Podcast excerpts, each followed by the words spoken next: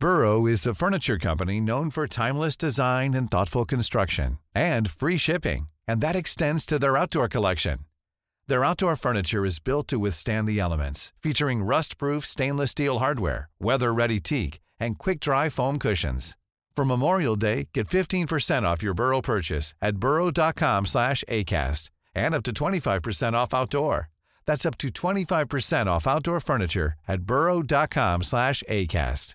Ready to pop the question? The jewelers at BlueNile.com have got sparkle down to a science with beautiful lab grown diamonds worthy of your most brilliant moments. Their lab grown diamonds are independently graded and guaranteed identical to natural diamonds, and they're ready to ship to your door. Go to BlueNile.com and use promo code LISTEN to get $50 off your purchase of $500 or more. That's code LISTEN at BlueNile.com for $50 off. BlueNile.com code LISTEN.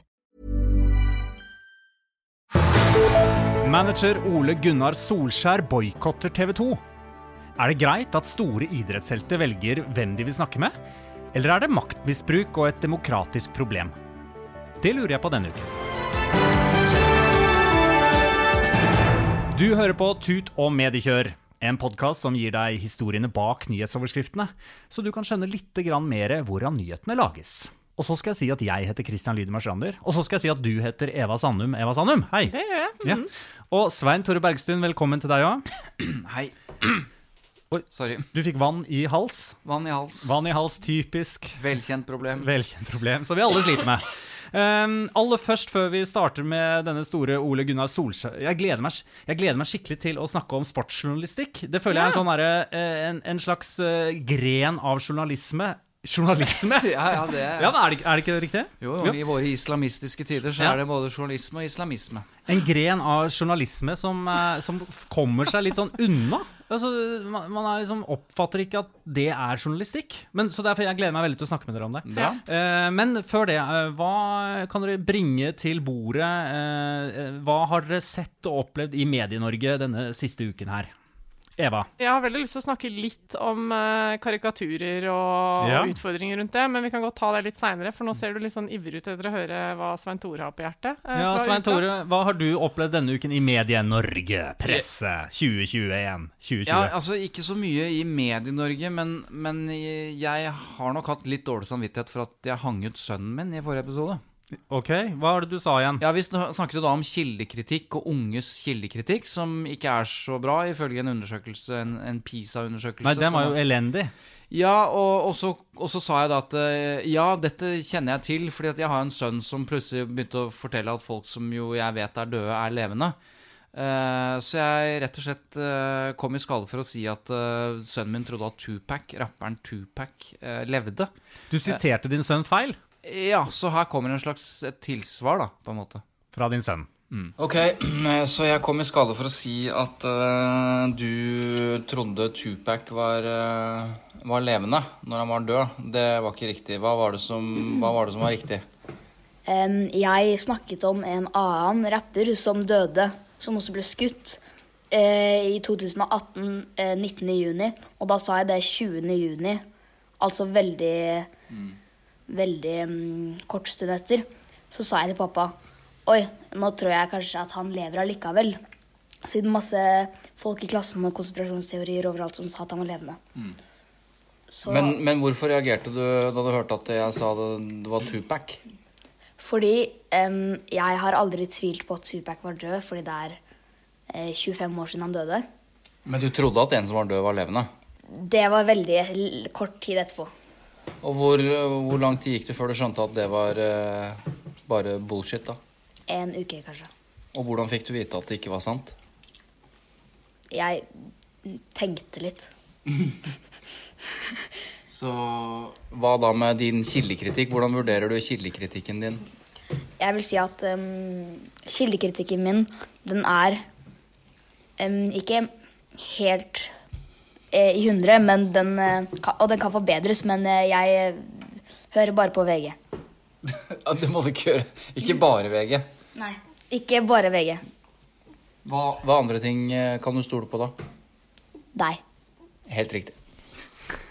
Så noe har han jo lært. hva var det du presset han i siden med mens du gjorde det intervjuet der? Nei, dette, var, dette er en helt, var en helt vanlig middagssamtale som jeg tilfeldigvis tok opp. Ja, Det som er morsomt, er at han kan jo ikke stole på deg. Nei, Du har akkurat forsømt han. Du har Nei. sitert han feil, og Ja. så du har jo Men eh, dette her syns jeg var veldig fint, for det, det hjelper oss å illustrere for deg som hører på, at eh, mm, det er forskjell på samtidig imøtegåelse og tilsvar. Ja. Det din sønn Ola nå fikk, var jo tilsvar. Han har påpekt en feil i din dekning av en sak som omtaler han. Mhm. Og så får han komme til ved første anledning, og det er da i neste episode, Mm. med en rettelse. Riktig. I bøtter og spann. Kanskje vi skal si også hvem denne rapperen Ja. var. For det, uh, altså det, det, for det var jo 2018, som han sa. Han huska datoen. 19. juni. Eh, og det var altså den 20 år gamle rapperen XXX Tenation, Ja. tror jeg det uttales. Det er jo da din, får jeg vel eh, også smekk da av Ola neste episode. For jeg sa Skal vi det. få en ny ny imøtegåelse på det? Eller kanskje fra management eller noe sånt. Ja. Men vi fikk mer vi har fått, ja, vi har fått en annen uh, kommentar fra en lytter som heter Katrine, som um, Er vi, er vi inne på sånn slags sånn unnskyld-spalte nå? Ja, vi skal være veldig ryddige, vi, vet du. Ja, Tut og medie kjører retter. Tut og medie kjører retter. Ja, få høre, Eva.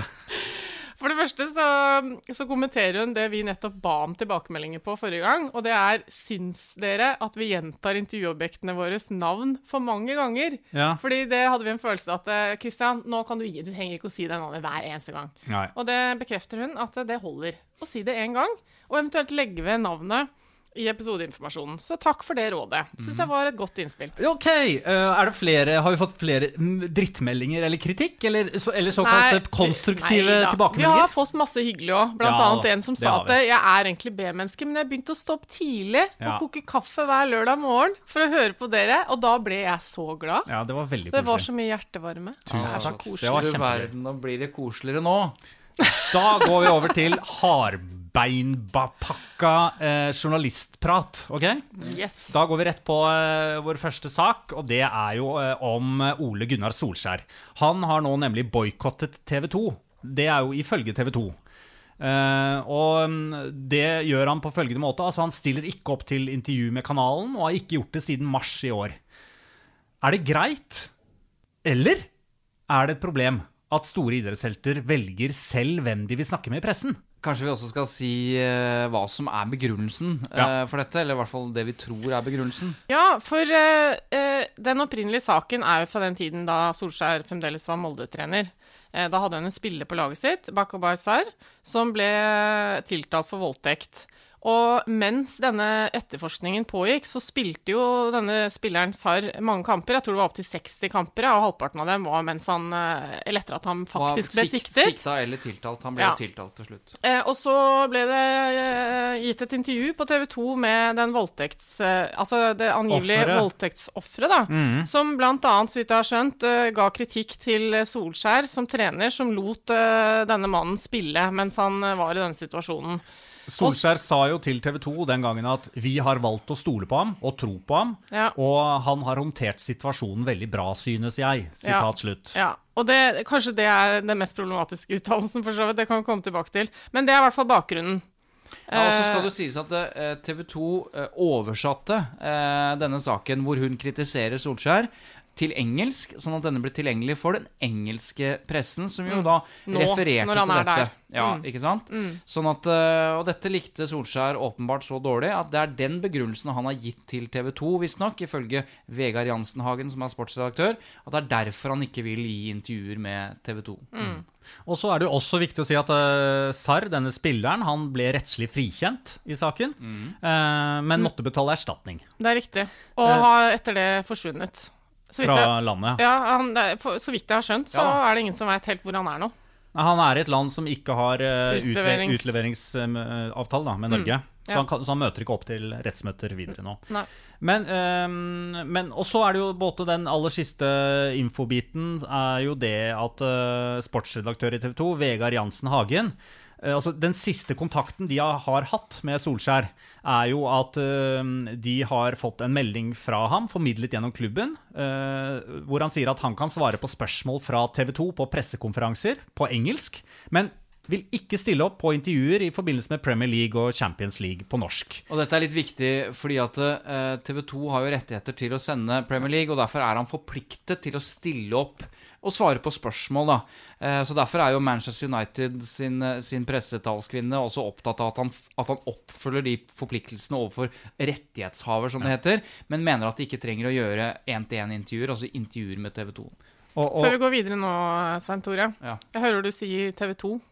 Ja. Kan du redegjøre for hvorfor du nå kan prate om dette, eh, når du vanligvis eh, holder deg litt for god til det, holdt jeg på å si? Ja, eh, Vi skal jo snakke om boykott, eh, som bruk av boikott i sportsjournalistikken som fenomen på et prinsipielt grunnlag. Og så kan jeg også si at jeg har ingen, jeg kjenner ikke denne saken overhodet. fordi at jeg har jo ingenting med det redaksjonelle i TV 2 å gjøre. Og så Nei, for Svein Tore har tidligere redegjort for at han er rådgiver for to i, i spørsmål rundt ledergruppa og overordna. Så jeg føler at uh, dette får være greit. Dette Ja. er et interessant eh, fenomen. Boikott av journalister, syns jeg. Du har fått vår godkjennelse til det. Fordi for det. det er nemlig ikke du selv som vurderer din egen habilitet i sånne spørsmål. Det må også vurderes av andre. Men det- er- det er- det er jeg som er habil. det, det er alltid, for det er er alltid så gøy når du skal forklare, Eva, hva eh, Svein Tore skal ikke det høres. Så det er alltid pressetalskvinnen til Svein Tore som skal uh, kunne, uh, kunne fortelle om du er habil eller inhabil. Men dette er litt sånn som uh, det der å hevde at man er habil. Det er det samme som å si at eh, jeg står i ring.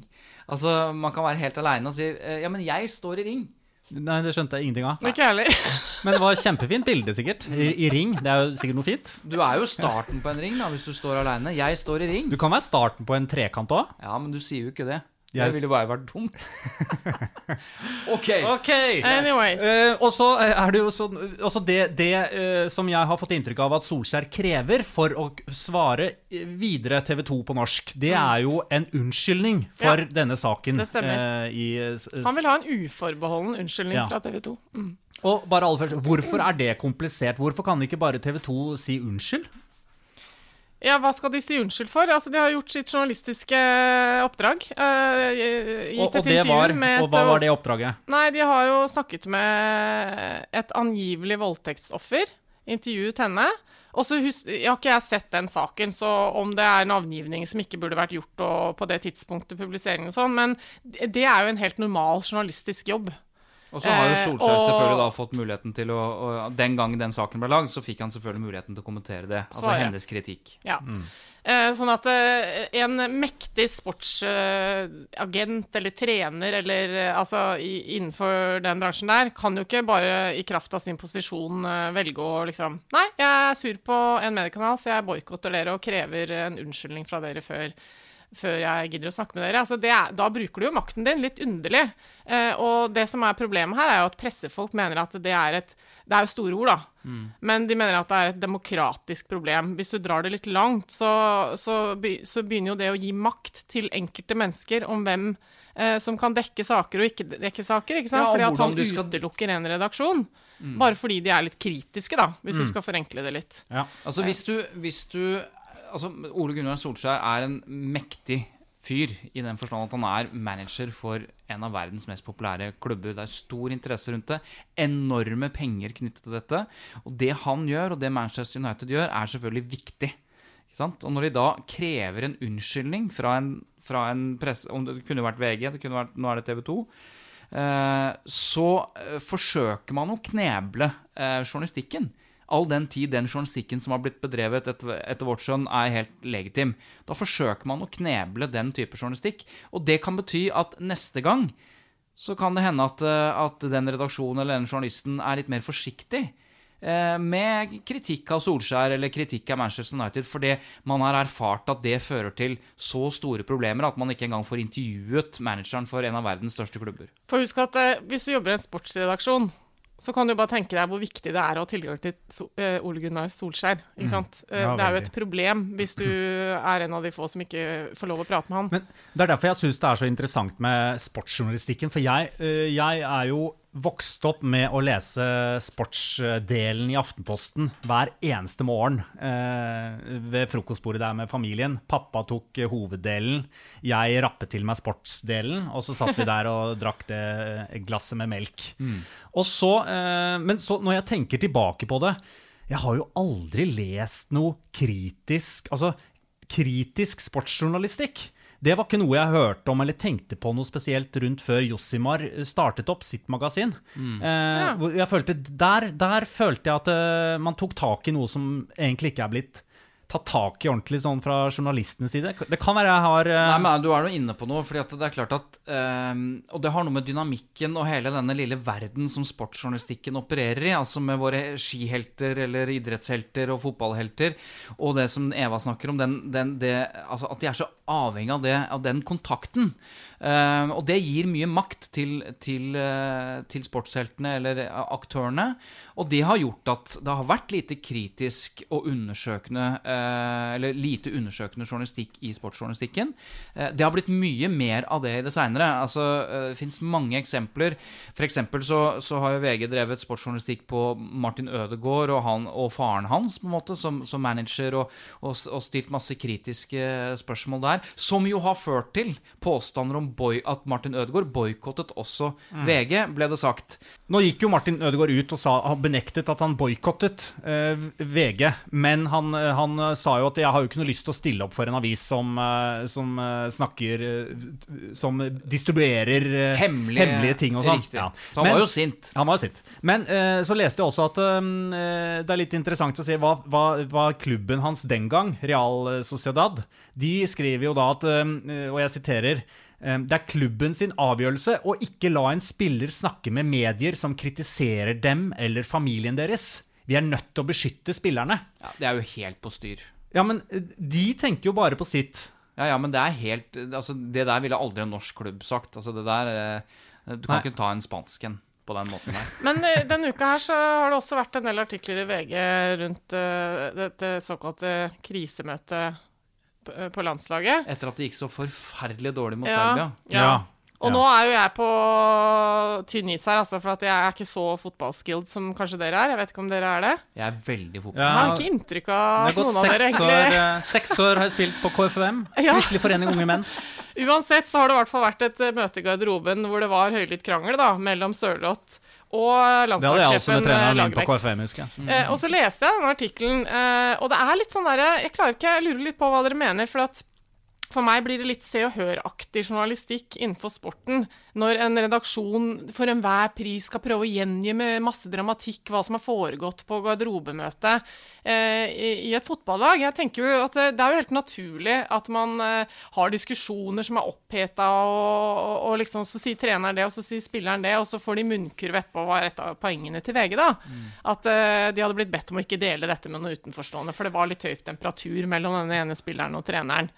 Men jeg vet ikke, det, det er jo et forsøk på kritisk journalistikk, men jeg personlig syns det blir litt sånn eh, Nei, det er Er dette uenig. VGs rolle? Det er jeg helt uenig i, fordi at hvis man skal ta det man driver med på alvor, Ja. altså sportsjournalistikken, Ja. og landslaget i fotball Ja. De har ikke vært i et mesterskap på 20 år, Ja. og nå klarte de ikke nå heller. Mm. Og det å finne ut av hvordan da Hva er det som foregår i forkant av kamper? Hvordan, hvordan er treneren? Hvordan oppfører spillerne seg? Er det, er det en grunn til at vi ikke får til dette her? Hva, hva kan det være, f.eks.?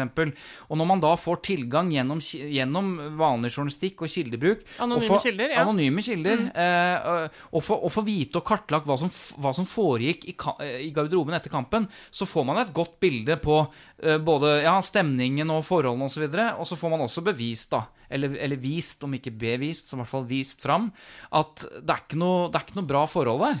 Spesielt ikke mellom landslagsledelsen og enkelte spillere. det kan jo være relevant, da. Så jeg mener at den type journalistikk det, Jeg skjønner litt hva du mener, men jeg mener at skal man ta det på alvor, så må man også gjøre dette, da. Jeg visste at ditt svar skulle være det, og det er jo riktig sett fra et press presseperspektiv. Det var litt sånn herskete. Eva. jeg skjønner argumentet, samtidig som at eh, min gut feeling er litt sånn ikke sant, Jeg leser diskusjonen mellom de to skal ha pågått i et tosifret antall minutter før Lagerbäck og Parry forlot rommet og lot spillerne diskutere fred. Det er veldig sånn derre Nå la du en dramatisk stemme på, Ja, da. ja. Hun, måtte, hun er- følte hun måtte legge litt mer dramatikk på for at det skulle høres litt rarere ut. Men, men eh, altså, jeg, jeg, jeg syns jo at, um, at um, det er jo Så hva er det en journalist må tenke på her? Jeg får masse interninformasjon fra min anonyme kilde, Men hvordan skal den journalisten da tenke at eh, er dette en nyhet verdig, eller er dette bare drittsnakk Det er jo en vurdering. Du har jo en helt eh, eh, liksom en, en sammenlignbar sak i politikken. Husker dere at det var veldig mye snakk om hva som ble sagt og ikke ble sagt på et, på et, på et møte eh, med Trine Skei Grande og Abid Raja, f.eks., mm. hvor det visstnok skulle vært noe utskjelling, og den sa det, og den sa det, og det var andre fra andre partier til stede og bare lurte på hva, hva, er det som foregår her, liksom. Og det ga et innblikk i konflikten mellom eh, disse venstrepolitikerne. Og det er jo litt det samme, da. Det gir jo et innblikk i forholdet mellom, mellom en av de mest sentrale spillerne og, eh, og treneren, som visstnok har ha liksom referert til en bom han gjorde, eller han hadde at han bomma på åpent mål for noen år siden. Det er jo veldig barnslig fra en trener, syns jeg, da. Det, det gikk han ut og beklaget. Ja, men uansett, da. Så dette foregår uh, i politikken, det foregår i, i, i sportens verden, og det gir innsikt i hvordan ting fungerer. Og så kan det være noe som virker litt sånn banalt, og hvor trenger vi å vite alt dette? Og da handler det jo litt om hvordan leserne bedømmer liksom, er jeg interessert i dette eller ikke.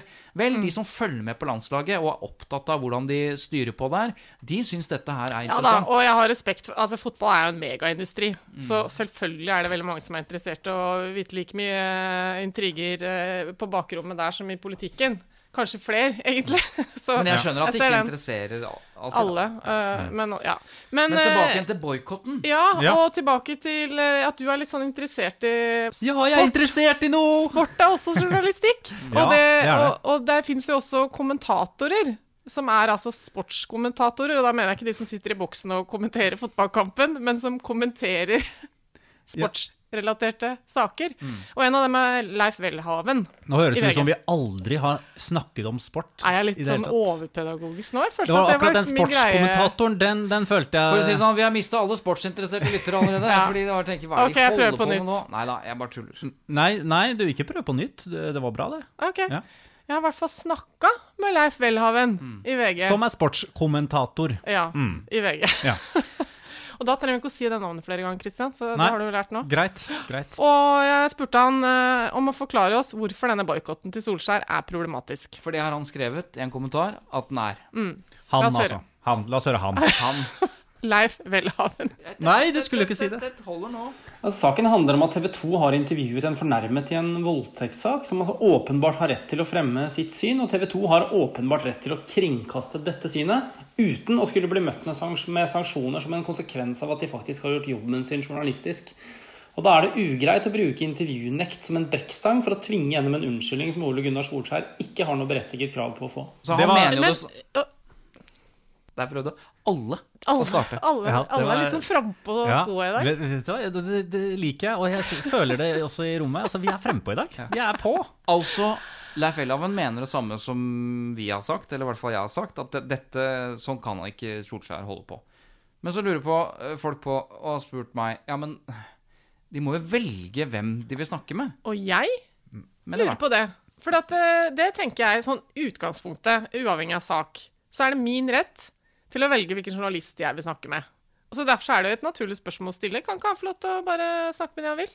Altså Formelt har han rett eh, til å velge selv, eh, absolutt. Men det som har skjedd her, er at han endrer atferd overfor TV 2. Altså etter det kanalen opplyser som er en direkte konsekvens at han har opplevd journalistikk som han ikke liker. Altså Den situasjonen han sto i som Molde-trener, var vanskelig da en av spillerne hans var tiltalt eh, for voldtekt. Da kunne han diskutert og forklart valgene sine med rak rygg, i stedet for å gjemme seg bak et PR-apparat og ty til det som altså fremstår som en boikott. Ja, og det PR-apparatet han snakker om, er jo da Manchester Uniteds PR-apparat. ikke sant? For det er, der er, det er lettere å gjemme seg der. Det er lettere å gjemme seg i de store gangene der er enn i Molde. Men han svarer jo sånn sett ikke helt på spørsmålet. Fordi det, det går jo an det, det bare koker jo ned til at TV 2 syns ikke han har ryggrad, eller skal han ha ryggrad eller ikke ryggrad, da. Nei, men Han bruker ord som demokratisk problem og sånn i kommentaren sin. Han svarte vel på det. La oss høre. Så Fra et demokratisk perspektiv så er det et destruktivt virkemiddel å straffe journalister som har utøvd legitim kritisk journalistikk.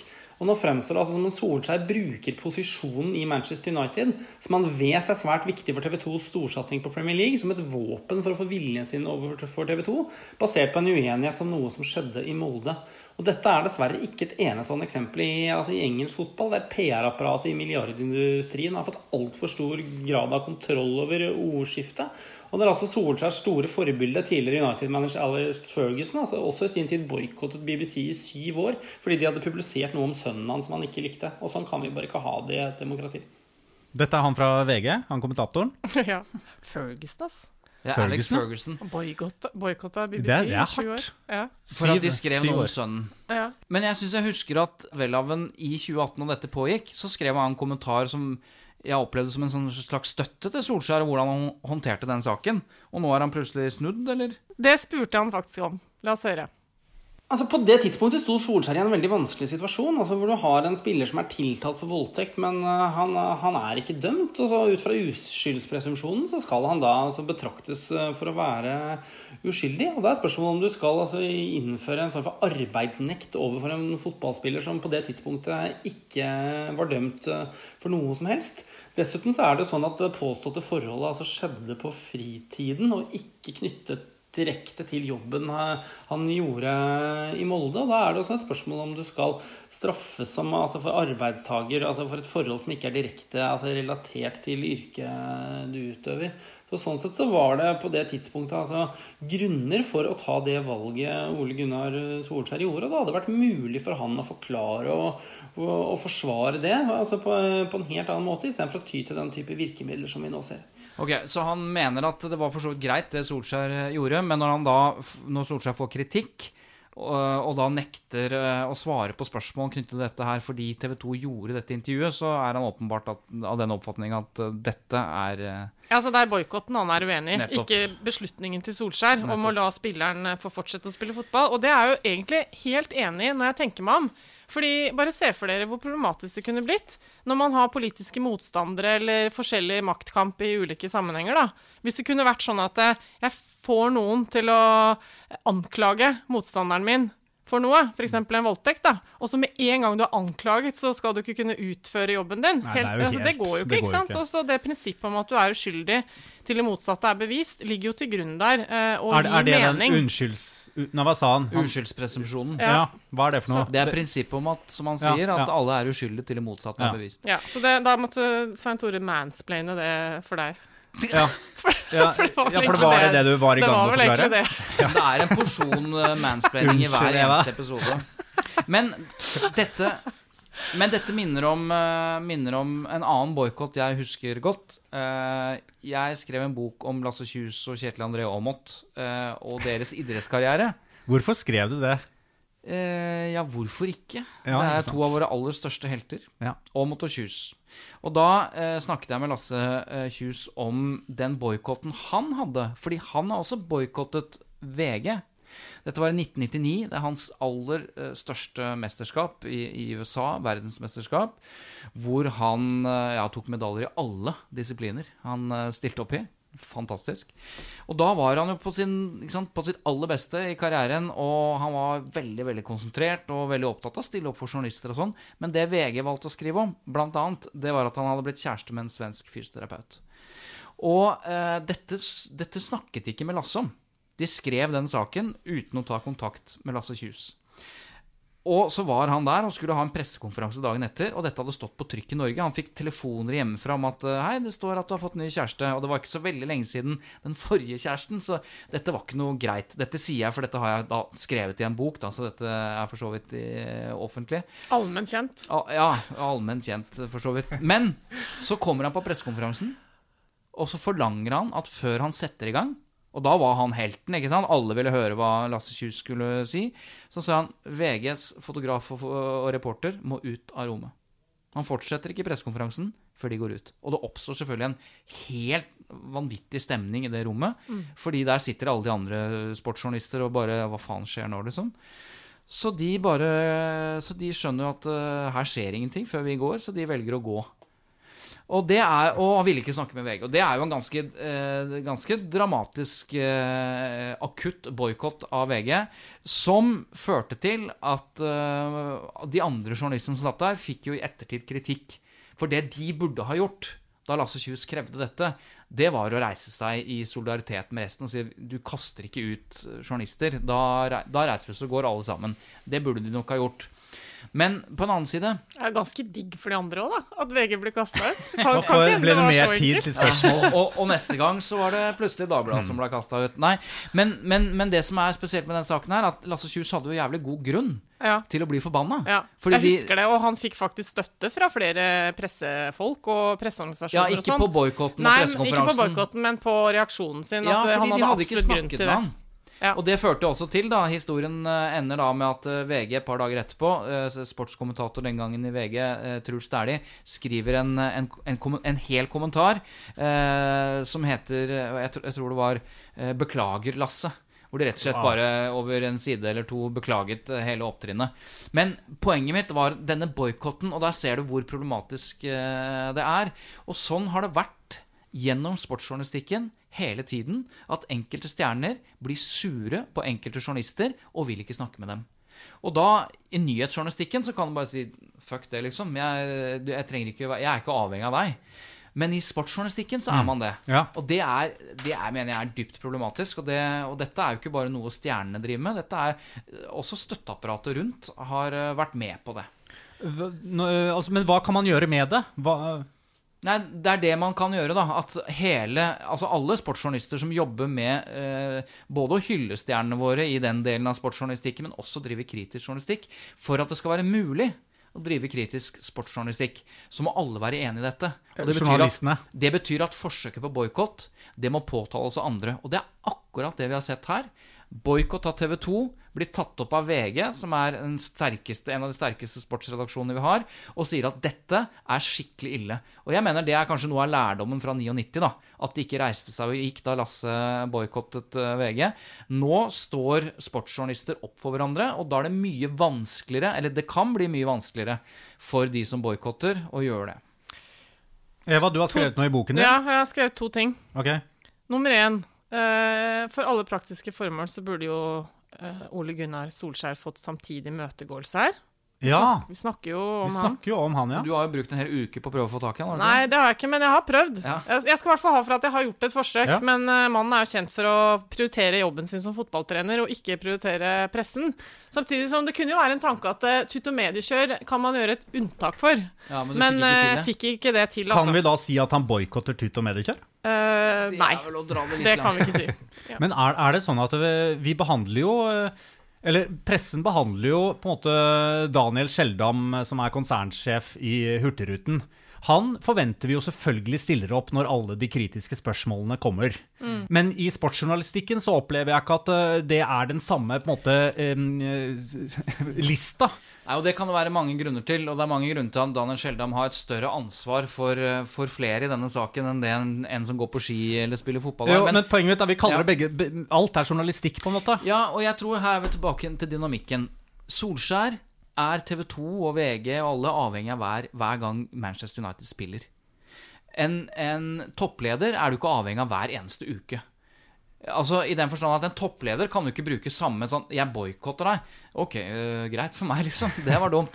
Men, men i sportsjournalistikken så får det andre konsekvenser. Og dette har jeg faktisk i min bitte lille karriere som sportsjournalist på slutten av 90-tallet opplevd. Og det kommer først frem nå. Ja, jeg kom på det nå når vi sitter og snakker om det. Fordi jeg var da uh, reporter under VM i Ramsau på ski i Østerrike. Jøss, var det? Ja, ja, ja. Jeg dekket Tore. OL i. Nagano i 98, og jeg har vært på VM i fotball, og det har vært mye Da var du privat, da. Jeg har glemt det. Ja. Men i hvert fall. Og så er det da Thomas Alsgaard, som, vi nå, som er jo i vinden og danser og greier og greier. Han var jo stor stjerne i 1999. Og så fikk jeg høre av andre sportsjournalister at det var én ting du ikke måtte spørre Thomas Alsgaard om. Åh. For da da, da, da, da gikk han, og da bare snudde han på hælen, og da ble han sur, og det måtte du ikke gjøre. Så, Hæ? sier jeg, hva er det for noe? Du må ikke spørre han om ryggen. Eh, for han hadde noen ryggproblemer og skulle operere og sånn. Så jeg, ja, men det er jo akkurat det jeg har tenkt å spørre han om. Det er jo helt. Jeg var jo nyhetsjournalist som, som reiste tilfeldigvis da for å dekke sport. Og så sier jeg, men selvfølgelig må jeg spørre han om ryggen. Det kan jo ha noe å si for neste løp, og det var det mest relevante jeg kunne komme på. Det må du ikke gjøre. Nei. Og så kom jeg, da, og så sto vi i ring der, masse sportsjournalister, og ingen stilte spørsmål om ryggen. Og så kom uh, unge Bergestuen. Du, den ryggen din! Snudde på hælen, gikk. Og jeg fikk jo dette da, ikke sant. Jeg var jo der, jeg filmet, jeg var jo Og så tenkte jeg ok, det er en bra sak. Han, han, er, så, han er, så, sur eller lei seg og fortvila over den ryggen at uh, det er en bra sak. Så reiser jeg tilbake igjen for å redigere. Så kommer en i støtteapparatet til skigutta, jeg sier ikke hvem det er, uh, og sier 'Det der må du ikke sende'. Så jeg må ikke sende, sier jeg. Det er jo ikke du som bestemmer det. Nei, da vil ikke Thomas snakke med deg noen gang igjen. Mm. Men altså, hva er dette for noe slags Eh, hva er det du sier? Jeg ble helt perpleks. Nei. Og, og så rimer det jo med hva de andre sportsjournalistene sa, da. Du må ikke spørre om dette. Mm. Men så sa jeg du, du må bare snakke med redaktøren min. Dette gidder jeg ikke forholde meg til. Selvfølgelig kan ikke du bestemme hva som skal sendes. Og dessuten, jeg kommer antageligvis ikke til å snakke med Thomas Alsgaard igjen, så det driter jeg i. For jeg er ikke sportsjournalist. Og så satte jeg meg ned og skulle redigere det. Og så har jo den historien en liten twist, da. For jeg var jo ikke så jævlig god fotograf. Altså Jeg var jo videojournalist, jeg gjorde alt på en gang. Så jeg hadde jo ikke lyd på det intervjuet.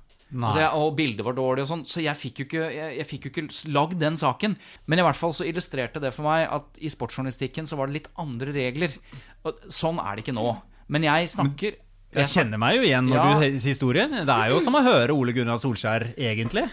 Ja, men, vet du hva? Nå får jeg lyst til å dra denne saken litt videre til en annen sak som har litt relevans, og det er jo liksom alt dette styret med karikaturer. En forferdelig sak nå. Altså, jeg tror denne saken som Altså, Frankrike og læreren som ble drept og halshugget fordi han hadde angivelig Fordi han har vist uh, disse tegningene i undervisningssammenheng. Mm.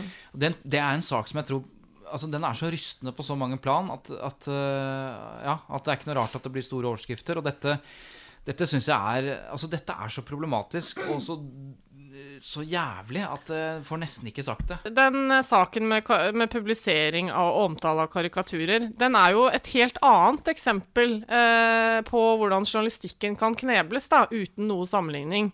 Eh, annet enn at her er det også snakk om noe som kan gjøres for at journalistene, som du sier, ikke tør eller har anledning til å publisere ting som de mener egentlig er helt normalt. Ja, og, det, eh, og, og i denne saken så er det jo sant, frykten for uh, sin egen sikkerhet, eller frykten for at det skal, at det skal skje så mye, da.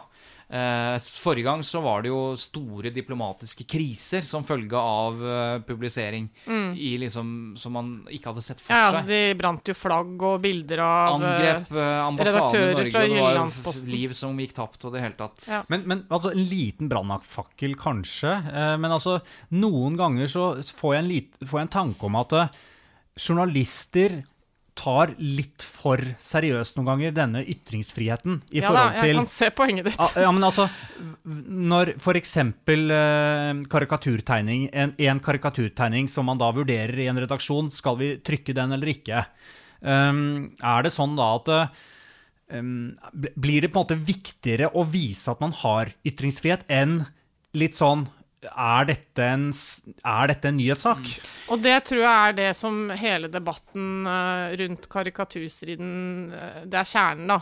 For der vil jo meningene stå mot hverandre, nettopp eh, rundt det. Skal vi bare gå rundt og vifte med karikaturer bare for å vise at vi kan, liksom? Når, det, er, når det er mobbing av muslimer, eller ja. mobbing osv. Og det men, var det jo det handla om sist òg. Men, men, men, her, jeg tror det Dette blir jeg litt irritert når jeg hører. Fordi det, det, det, jeg sa? Jeg blir ikke irritert på deg, men når man oh, snakker om motivene til hvorfor man trykker karikaturer, glem det. For det kan være 100 forskjellige grunner. Noen har lyst til å provosere muslimer. Noen gjør det fordi at de skal vise fram uh, noe viktig. Andre gjør det fordi at uh, dette er en test på, på vårt demokrati, mm. og den testen må vi bestå. Derfor må vi trykke, f.eks. Altså, motivene for å gjøre det er mange. Det er ikke interessant konsekvensene av å ikke kunne gjøre det i ytringsfrihetens navn, uansett hva motivene er, de er alvorlige. Så her er vi å gjøre med et, eh, Ytringsfrihet er et av de viktigste prinsippene vi har. Et av de viktigste rettighetene vi har. Og da spiller det ingen rolle hvilken grunn folk har til å benytte seg av den ytringsfriheten. For hvis konsekvensene er at du blir drept for det, så spiller det ingen trille. Det er det som er alvorlig, ikke motivet for det. Ytringsfrihet bør finne sted står det i Grunnloven. Paragraf 100. Oi. Og visstnok så er ordet 'bør' eh, fra tiden det ble skrevet, eh, egentlig mer å tolke som 'skal' i dag. Men er det, er det snakk om å, å um, misbruke ytringsfriheten? Det, så det er ikke interessant for deg, da? Svein Jo, jeg bare mener at det er ikke mulig å misbruke en ytringsfrihet. For ytringsfriheten, den er total, det vil si helt til den da rammes av straffeloven. Og et misbruk av ytringsfriheten, hva mener man med det? Mener man da at man kommer med rasistiske ytringer eller oppfordringer til vold? Da er det rammet av straffe, eller straffeloven, og da er det, kan du si, misbruk av ytringsfriheten. Men for meg så mener jeg at det, det er ikke noe som heter det. Man kan være uenig i det man sier. Du kan påstå at jeg misbruker ytringsfriheten. Det er helt fair. Ja, det, er, nå- det er en del Men av debatt, nå, den offentlige debatten. Nå må vi huske på at den 47 år gamle historielæreren Samuel Paty, som ble drept, halshugget på åpen gate i For å vise karikaturtegningene i undervisningen. i forbindelse med undervisning om ytringsfrihet. Høyst relevant tema, ikke sant? Eh, så det er jo en helt annen greie enn å gå rundt og vifte med noen karikaturer bare for å provosere. Misbruk av ytringsfriheten. Da tenker jeg på den gamle leken som jeg alltid gjorde med mine to brødre, som de ble så irritert over. Og det var jo den derre Jeg drev sånn Ja, her foran nesen. Hver luft er for alle. Ja. Det. Luft er for alle. Og så viftet jeg med fingrene mine sånn foran nesen, som jeg, som jeg gjorde med Eva nå. Ja, Sjukt irriterende. Jeg skal bare si Det er jo misbruk av ytringsfriheten. Nei, det er det ikke. Nei, det er men, misbruk av det, det offentlige rom.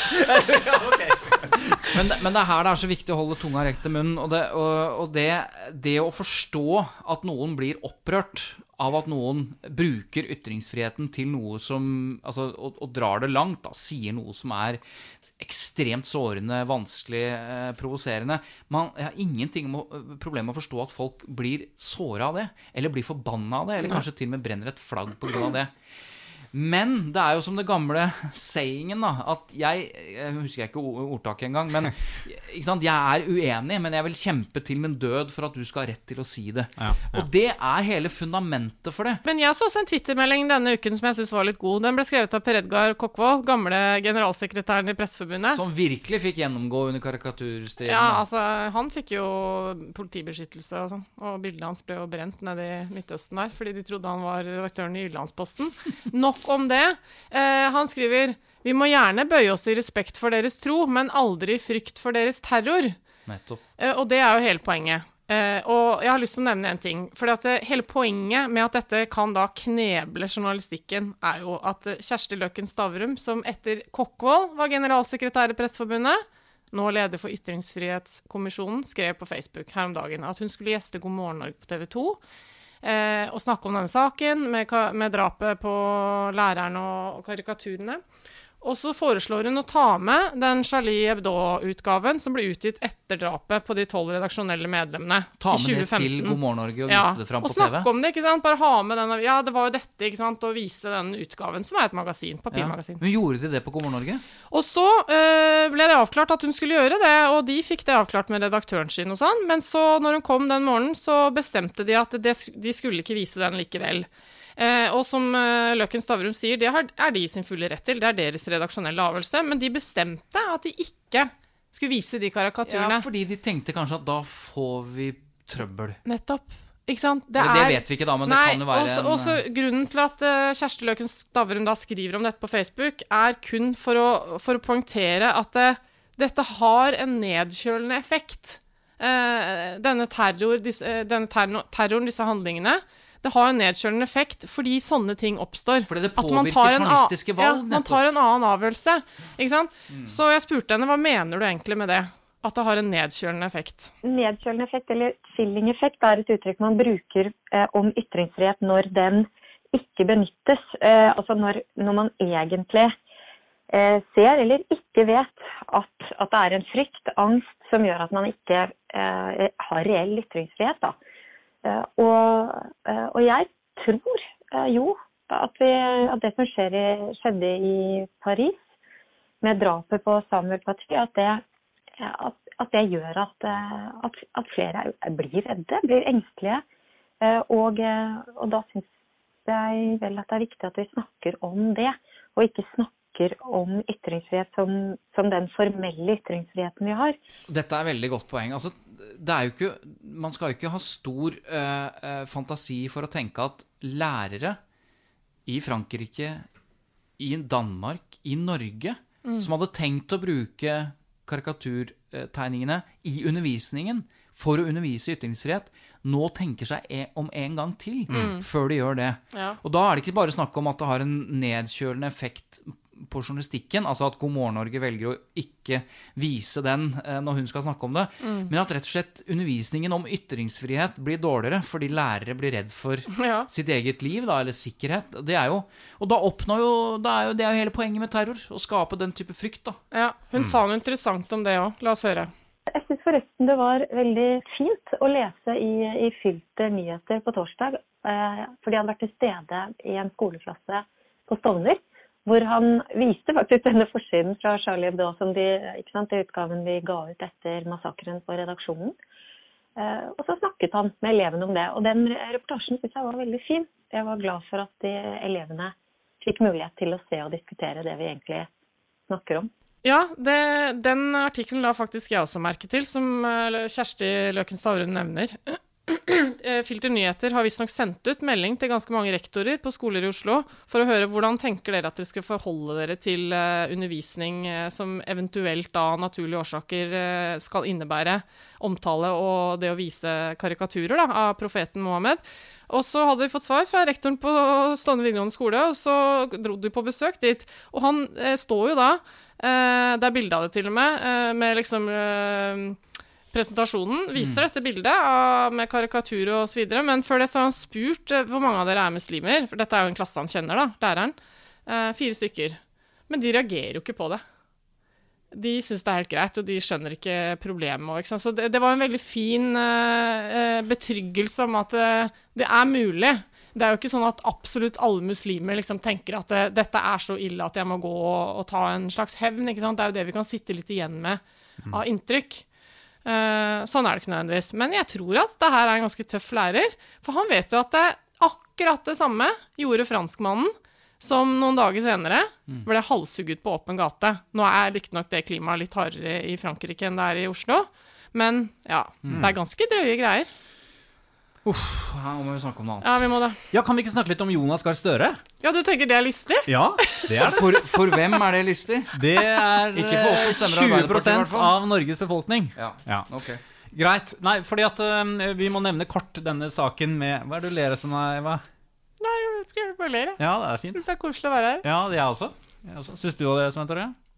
Ja ja, det er bare snakk om hvor dårlig Arbeiderpartiet går, så blir jeg i kjempegodt humør. jeg. Du er jo en arbeiderpartier. Jeg har jobbet veldig mye for dem. Du er men en arbeiderpartier? Veldig mye. Altså, jeg har levd i 46 år, og halvannet år har jeg jobbet på Stortinget for Arbeiderpartiet. Det er riktig. ja, veldig mye i forhold til meg, da. Har ikke jobbet for dem. Nei, det er Jeg sant. på min side forbeholder meg retten til å ikke si i all offentlighet i denne podkasten hvilket parti jeg sympatiserer med. Ja, det er hemmelig valg. Ja. Ja. Men, Men det er jo ikke hemmelig valg. Det er jo det. Vi vet jo når det skal være valg. Du var han, du. Du var han i klassen. Å, Ja, jeg kjenner han. så godt igjen. Å, det var han. Ok, Ok, Har han Jonas- sneket på trikken igjen nå, Han har ikke Det var så vidt. Ja, Eh, tirsdag så skrev Nettavisen om at Arbeiderpartileder Jonas Gahr Støre brøt Oslo kommunes påbud om munnbind da han tok T-banen på morgenkvisten. Uten munnbind, altså. Uten munnbind. Og eh, Hvordan VG vet de det? Eh, Ja, det var jo et bilde. Eh, Så det er bildebevis i saken. Og VG, TV 2 og Dagbladet de laget sine egne Det er ikke egne indisier, det er, bild, det Det er, er bevis. bildebevis. Det er såkalt enkeltstående fellende bevis. Ja, det er det. Det er teknisk bevis. Og VG, TV 2 og Dagbladet de laget jo sine egne saker på dette igjen. Og Støre har beklaget dette, at, at dette skjedde. Så um, den sto, det store spørsmålet her er jo sånn Er pressen her et moralpoliti, eller er dette en ekte nyhet? Svaret er ja til det første. Og, Moralpoliti? Hvorfor, og hvorfor, er, ja til det andre. hvorfor er de moralpoliti, Eva? Nei, altså, det blir litt sånn Jeg tenker at eh, når jeg ser eh, dette bildet av Jonas Gahr Støre, så tenker jeg Beskriv hvordan han sitter. Han sitter på trikken, eh, surfer på mobilen som absolutt alle andre gjør på trikken, eh, og så har han ikke munnbind på seg. Og så er det en annen passasjer som sitter overfor han som har tatt et bilde i all hemmelighet med mobilen for å vise at eh, Støre driter seg ut nok en gang. Som han ikke ser fordi han sitter i mobilen. Og så Ja. sitter han med Dagens Næringsliv, ser jeg, på, på, på fanget også, så han leser avis og leser Og- mobil. Man kan mene hva man vil om Støre, men jeg syns bare folk blir litt mer menneske av sånne ting. Og det er jo liksom, herregud, alle kan da komme ned i hytten og styrten på T-banen i disse dager og innse at fader, nå glemte jeg den der pakka med munnbind. Og så mener jeg har lest et sted, ellers har jeg bare tenkt det, at han uh, har uh, Eller så er det noe du har lest noe du har skrevet selv, kanskje? Det kan være. Det er egentlig en veldig god det er idé. veldig god idé. Bare skrive ting og så Nei, jeg siterer, jeg. Jeg skrevet selv, det. Det verste er at Det minner meg om min gamle sjef som alltid sa sånn Skriv ned det jeg sier nå. dette, det, jeg må bare si, dette minner om en KLM-sketsj også, hvor, hvor det er en sketsj hvor han sier ehm, Ja, ja, altså, jeg har skrevet et brev eh, til deg at dette ikke går an. Ja, det brevet har jeg aldri fått. Nei, jeg glemte dessverre. Ok. Hvor var jeg? Jo, Nei, du var at du noe, syns du har, eh, no, noe du har lest, eller eh, du har tenkt. Eller tenkt. Ja. At øh, Jo, øh, og så har han kanskje tatt en vurdering, da, for det er ingenting på dette bildet som tyder på at det ikke er mulig å ha en meters avstand til andre. Og selv om noen har oppfattet rådet fra Raymond Johansen til å være at eh, du skal ikke røre deg inn på en T-bane uten munnbind eh, i disse dagene er I disse dager, det er feil. Det er, du skal gjøre den vurderingen. Og du, hvis du kan holde en meters avstand, så kan du gå på den T-banen uten med- munnbind. Så du er enig med Mimir Kristiansson fra partiet Rødt, eh, og du er enig med Arbeiderpartiets Marianne Martinsen, som har vært ute og kritisert dette. Ok, og Så jeg er ikke første her, nei. Nei, og det som er litt sånn kjennetegn, er at det er jo the usual suspects og noen til, altså folk på, på, på riktig side Ja. av Altså i hans parti eller på venstresiden som mener at dette her er moralpoliti osv. Du hører ikke så mange fra den andre politiske siden. De sitter kanskje bare og koser seg, de, da.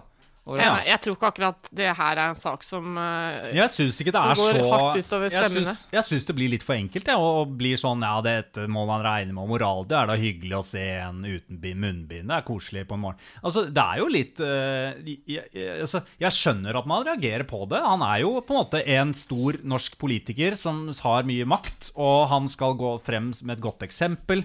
Og hvis det skjer i andre situasjoner hvor en ikke følger en, et påbud, så, så blir jo det veldig kritisert. Hvorfor skal man ikke kritisere Støre for dette? Samtidig så sier jo helseministeren at vi må ikke nå komme i en situasjon og bli et land og bli et folk der vi angir hverandre og pålegger hverandre koronaskam i huet og, og ræva, holdt jeg på å si. Nei, nei. Altså Det å påføre folk skam, da, det er veldig viktig at vi ikke gjør. Ja.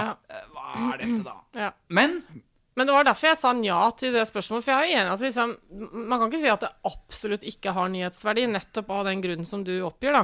Men jeg bare syns det er litt sånn smålig sak. Ja, men jeg- la meg være litt mer kontrær. Altså, altså mene noe annet enn Ja, men jeg det turte betyr ikke å spørre om det. Ja, altså jeg trodde at det visste alle. det Hvis noen sier det, kontrær, det handler om å gå mot strømmen. Ja, ok. Altså bare på pur faen av og til Og Bare Ja. si det motsatte. ja, ja, ja. Kontrær. Takk, Svein Tore, for Men at du poenget er åpnet at det. jeg er jo Det er jo en, et klassisk tilfelle av det du var inne på, det som heter liv og lære. Ja. Ikke sant? Og da, når, når journalisten kan si liv og lære i en setning for å forsvare journalistikk, så gjør de det. Og det er det Ja. de gjør her. Ja.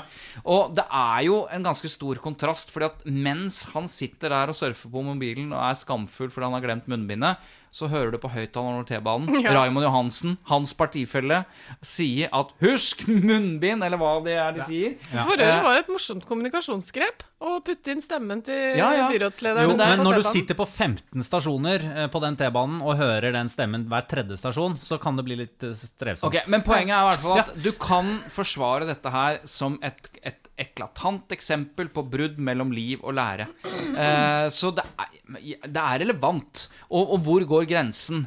Eh, når jeg spurte om han hadde sneket på T-banen, så var det fordi at han har også blitt tatt bilde av da han måtte betale bot fordi han hadde ikke, ikke betalt, og han hadde en god forklaring på det også. Var det en sak? At, eh, jeg tenker at det var mindre en sak at privatpersonen Støre glemmer å betale eller ikke gjør osv. Hvor, mye- liksom, hvor mye sak er det? Er det liv å lære? Han har jo ikke akkurat, Det står jo ikke akkurat eksplisitt i partiprogrammet at du må huske på å betale på T-banen. Altså, men munnbind i den tiden vi er i, hvor vi får folk til å sant, følge regler, bruke munnbind osv. For det du ikke nevnte, Eva, som også som han som har tatt bildet, sier Her, når jeg tok dette bildet, riktig, der var det en meter. Da vi nærmet oss Nationaltheatret og lenger ned i byen, da var det ikke mulig å holde den meteren. Og da bryter han smittevernreglene, som de snakker om i politikken hele tiden. Så jeg tenker at uh, det er surt, og Men det er kjipt, men det er ikke helt uh, jeg, jeg, ueffent. nei, og jeg blir jo sånn Jeg blir jo veldig irritert når jeg hører uh, noen som har fest hjemme hos seg med over ti. Ja, men du er Jeg jo blir- en av de som tar smittevernreglene veldig på alvor. Ja, da, hvorfor skulle jeg ikke det, da? Nei, nei, men jeg, du er, ja. Det høres ut som du ikke tar de seriøst. Nei, jeg, jeg gjør det, men jeg er litt mer midt på treet, og så har jeg noen venner som er i helt andre skalaen. Ja. Det er de som holder er disse helt- festene. Nei da, men eh, som bare syns at eh, det har gått for langt, rett og slett.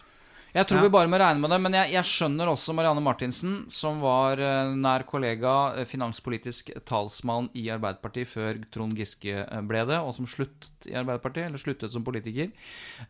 Hun skriver saker som dette en god grunn til å ikke gidde være politiker.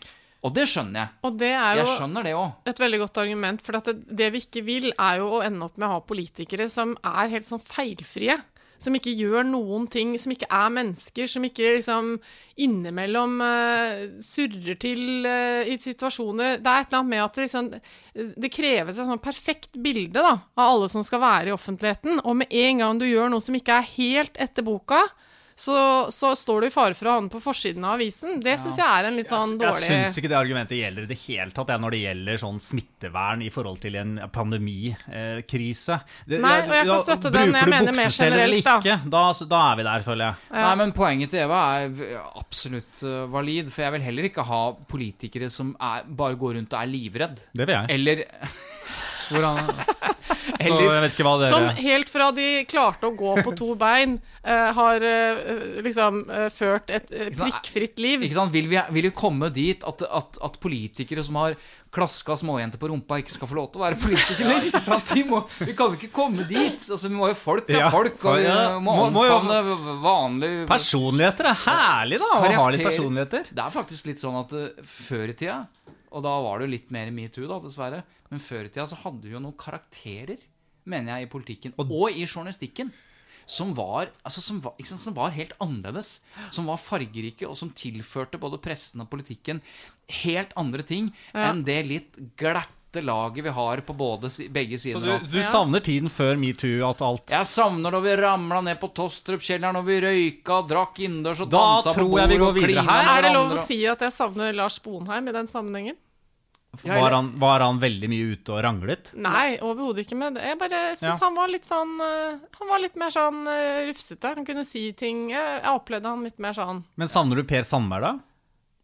Ja, når du sier det, kanskje Kanskje ikke så mye. Nei. ja. men, Men, du, men en annen ting med denne saken er jo dette bildet som blir tatt, som vi har beskrevet. Ja. Um, altså, for dette er jo tatt av en privatperson. I skjul? I skjul. Eh, er det lov å trykke et bilde som er tatt i skjul av en annen person? Eller først, er det lov å ta bilde, og i så fall Ja. er det lov å trykke det etterpå? Ok, Ja, Er det det- lov å ta bilde aller først?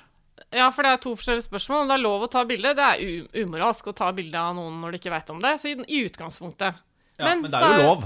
Uh, Det er ikke brudd ja, på straffeloven. Nei. Nei. Uh, Så spørsmålet er jo hva du gjør med det. Fordi at Hvis du f.eks. hadde tatt bilde av en jente som hadde sovna på fest, da, eh, og holdt på å si funnet ut etterpå og sletta det og sånn, så blir du ikke straffa for det. Men med en gang du deler det med noen andre, så begynner du jo å snakke om å bryte en lov. Ok. Ja, for da handler det for det første eh, vanlig lov, så handler det om eh, altså person Altså privatlivets fred. Ikke sant? Det er, en, det er en lov. Men i dette tilfellet så handler det om Nettavisen som først Det var vel de som var først som trykket det. Publiseringen av det, er det i tråd med Vær varsom-plakaten, Eva? Du som er presseeksperten. Da vil jo Presseeksperten Ja, du har sittet 14 år i PFU. Det har, vi, det har vi nesten glemt. Ja, 14 år, var det ikke det? Da er man jo om det har allmenn eh, interesse, som folk liker å si, da. Om det er av samfunnsmessig betydning, eh, det som er på bildet. Og Jonas Gahr Støre er jo Arbeiderpartiets eh, leder, eh, potensielt eh, Norges neste statsminister. eh, som da viser her i dette bildet Han avslører seg selv når det kommer til forskjell på liv og lære, da, eller innenfor den. Så sant, det er, jo, det er jo en journalistisk motivasjon for denne publiseringen. Og det er på offentlig sted. Ja, det er opp- også veldig viktig. Veldig viktig. Ja, fordi at de Eh, kunne ikke tatt det bildet inn eh, gjennom stuevinduet til Støre. Men Da hadde han vel ikke brutt smittevernreglene heller? Eh, det, hvis da hadde veldig gøy hvis han satt Men- der med munnbind. det, det morsomme spørsmålet da, eller interessante, da, jeg må rette meg selv igjen, eh, er jo hvis de hadde tatt bildet inn gjennom stuevinduet til Støre, når han hadde et selskap med 20 mennesker Ja, det er gøy. eh, som viste seg å være litt nær hverandre når de gikk forbi for å forsyne seg av buffeen og Ja, sånn. for da er det jo flere hensyn som krysser er det, her. ja, Person, ting. ja, og da må man jo gjøre en vurdering presseetisk om Ok, det er åpenbart at det å ta bilde inn stuevinduet til Støre, det er jo I utgangspunktet ikke greit. ikke greit. Nei. Men hvis det som skjer der inne, er Avslører Ja, eh, at han gjør noe annet enn han sier, på en måte. Jeg lurer på om det har vært litt på grensen, altså. Ja, det hørtes helt vilt Men ut. hva, hva å dra det litt lenger, da? Beklager at jeg bruker deg fortsatt som eksempel, eh, Støre. Men hvis Støre hadde liksom utøvet vold i hjemmet Ja. Kan, du kan jo bare finne på en annen politiker nå, da, så ikke bare gå utover han stakkaren. eh. Ja, hvis eksempel um, Pål politiker, eh, som var tilfeldigvis da statsråd med kanskje til, kanskje til og med Debatt. eh, sta, altså barne- og familieminister, og så kom det billedbevis på at han hadde eh, liksom bedrevet en eller annen form for vold, da.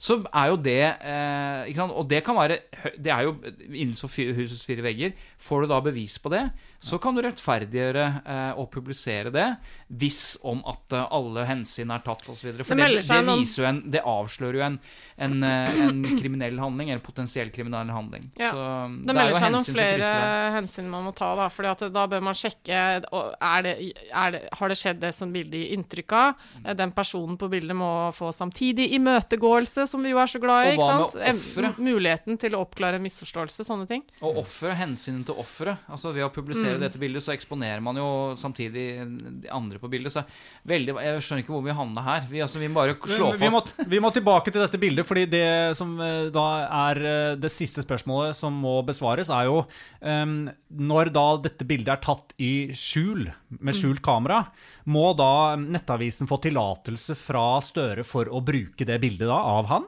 Nei. Nei. Ikke når det er Støre. Hvorfor ikke? Nei, du må jo ikke ha tillatelse for å publisere et bilde. Ja, men hvis, det er, hvis du ikke vet at du har eh, Du vet ikke at det bildet er blitt tatt Ja, man man må, gjøres oppmerksom på det. Det er- handler jo bare om at Hei, Støre, vi har et bilde av deg hvor du ikke har munnbind eh, på T-banen. Det har vi tenkt å lage en sak eh, på. Men da kunne ikke han sagt Men det bildet er tatt i skjul uten at jeg var klar det er over det. Da kan ikke dere bruke det. Han Det er tatt si på det. offentlig T-bane Altså sånn sett åpent, da. Ja. Det er ikke noe skjult identitet, skjult kamera, sånn sett, i den forstanden som eh, man bruker det begrepet. Nei, og her, han, han må få anledning til å si noe om dette. Han må eh, da få eh, Hva heter det, Eva? Samtidig imøtegåelse. Ja. Vi har kommet til aller siste spalte, og det er Åpent lukket. Eh, som er altså er spalten hvor vi tar for oss ett spørsmål som har uh, blitt stilt i løpet av denne uken av en journalist. Enten ukens verste eller ukens beste. Og jeg er nå veldig spent på Er det et sikkert- jævlig spørsmål eller er det et superspørsmål, Eva? Svein Tore har sikkert med et uh, godt eksempel. Men jeg har bare lyst til å skyte inn et som vi akkurat fikk tilsendt fra en av dere som hører på. Ingunn har nemlig sendt oss bilde fra Bygda Nytt. Hvor er det fra? Det er utenfor Bergen, tror jeg. Arna. Ja, Okay. Mm. Eh, hva du veit, Svein Jeg har bodd i Bergen i eller, sju år. eller har du googla før du kom hit nå, når du så den meldingen fra Jeg har bodd lenger i Bergen enn noe annet sted. Ja, okay. Så har du vært Eller sportskommentator. det er ikke helt riktig. Eh, Noe annen by. Så har du vært De, de skriver i en uh, artikkel uh, som da er postet på Facebook med følgende tittel, da. Eh, nå blir det en lang periode med buss for tog. Er du lei alle periodene der toga ikke går? Ja, ikke sant? Og svarer på det Nei, jeg liker det ganske godt. ja. Er det da et klassisk Ja! lukket spørsmål? Det er ikke bare lukket. Det er veldig ledende. Det er også veldig ledende spørsmål. Ja. Hvor det egentlig finnes noen alternativer for altså, Hva skal du svare på det?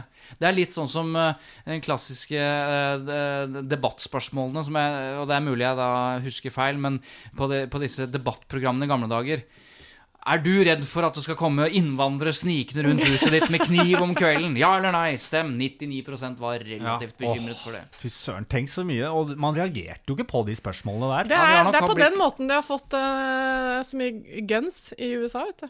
Akkurat ja, det spørsmålet der som Men eh, jeg har med et spørsmål. Vi skal til en podkastslektning. Okay. Altså rett på Dagbladets nyhetspodkast med Marie Simonsen og, og co. Eh, og da jeg hørte på Interessant, jeg syns det er gøy å høre på nyhetspodkaster. Og da her snakket de om rasisme i fotballen. Eh, fordi det var en, eh, en ikke, ikke engang en fotballsupporter, men en vakt eh, på, på, på en stadion som, eh, som ropte 'apekatt', eller 'jævlig apekatt', det var et eller annet før 'apekatt', eh, til en eh, eh, mørk person. Uh, og så ble han kalt apekatt, uh, og dette, fotball, dette tar jo fotballen ekstremt på alvor. Så de bare kaboom! Han er utestengt for uh, jeg tror det er Sandefjord, Sandefjord stadion på livstid. Så snakket de om dette her og prøvde å sette det i mer sånn kulturell ramme. Eh, og da snakket de om eh, supporterkultur og ukultur, og så har de en forsker på telefonen. Og så kommer dette spørsmålet. Er det det første spørsmålet? Nei, det er inni intervjuet. Er det et uttrykk for en mannsdominert kultur som har en slags Er dette siste lille krampetrekningen i en, i en mannsdominert kultur som, eh, som på en måte prøver å, å gå fra ett sted til et annet? Til en viss grad eh, så er det nok det. Eh, altså, det er jo ikke tvil om det. Ja, det var, det var et godt eksempel. Ja, sier forskeren til en viss grad. Altså, du er sikkert inne på noe, men jeg kan godt svare det som er svaret. Ja. Eh, Jeg syns dette er så fint, altså, for at det, er, det, er så, det setter så utrolig på spissen hvor galt det går når du liksom har en idé som du gjerne vil ha bekreftet. Og det er ikke ideen om at er dette her en slags uh, mannskultur på avveie? Et spørsmålstegn.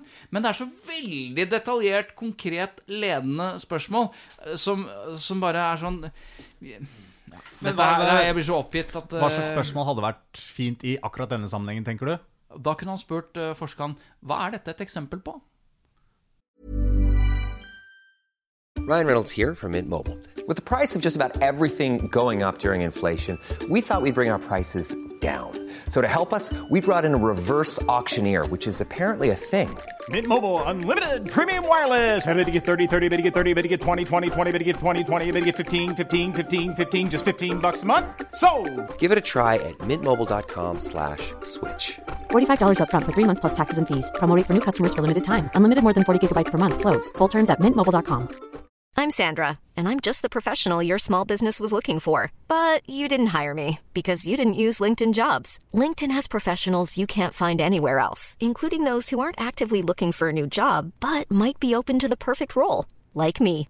In a given month, over 70% of LinkedIn users don't visit other leading job sites. So if you're not looking on LinkedIn, you'll miss out on great candidates like Sandra. Start hiring professionals like a professional. Post your free job on linkedin.com/people slash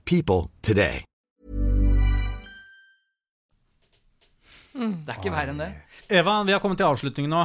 Kan ikke du si det der med annonsering eh, og hva man skal gjøre da? Jo, det kan jeg gjøre. Si det nå. Hvis du liker det du hører uh, i Tut og Mediekjør, så kan du trykke på abonner der du hører podkaster, sånn at du får oss inn i feeden din og påminnelse hver gang det kommer en ny episode. Uh, og det du også kan gjøre, er selvfølgelig å anbefale oss til dine venner og kjente. Det setter vi veldig stor pris på. Og hvis du ønsker å annonsere i podkasten, så eh, altså det betyr at du kan komme med din eh, fantastiske idé i forkant eller i etterkant av denne episoden. Um, og da, da så gi oss en lite hint om det til tut Og hvis du har eh, for mye penger, så kan du bare eh, også sende oss penger, så kan vi da gi deg hederlig omtale, eller la være å kritisere deg.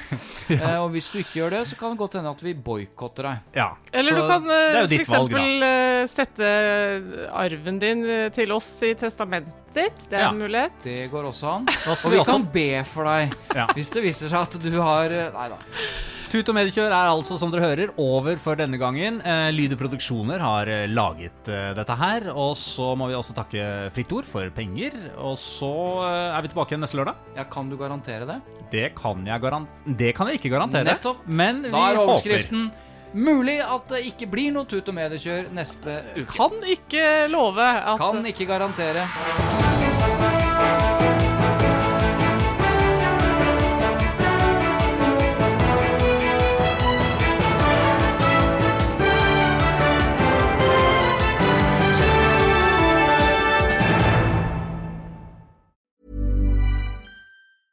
Cool fact a crocodile can't stick out its tongue. Also, you can get health insurance for a month or just under a year in some states. United Healthcare short term insurance plans, underwritten by Golden Rule Insurance Company, offer flexible, budget friendly coverage for you. Learn more at uh1.com. Even when we're on a budget, we still deserve nice things.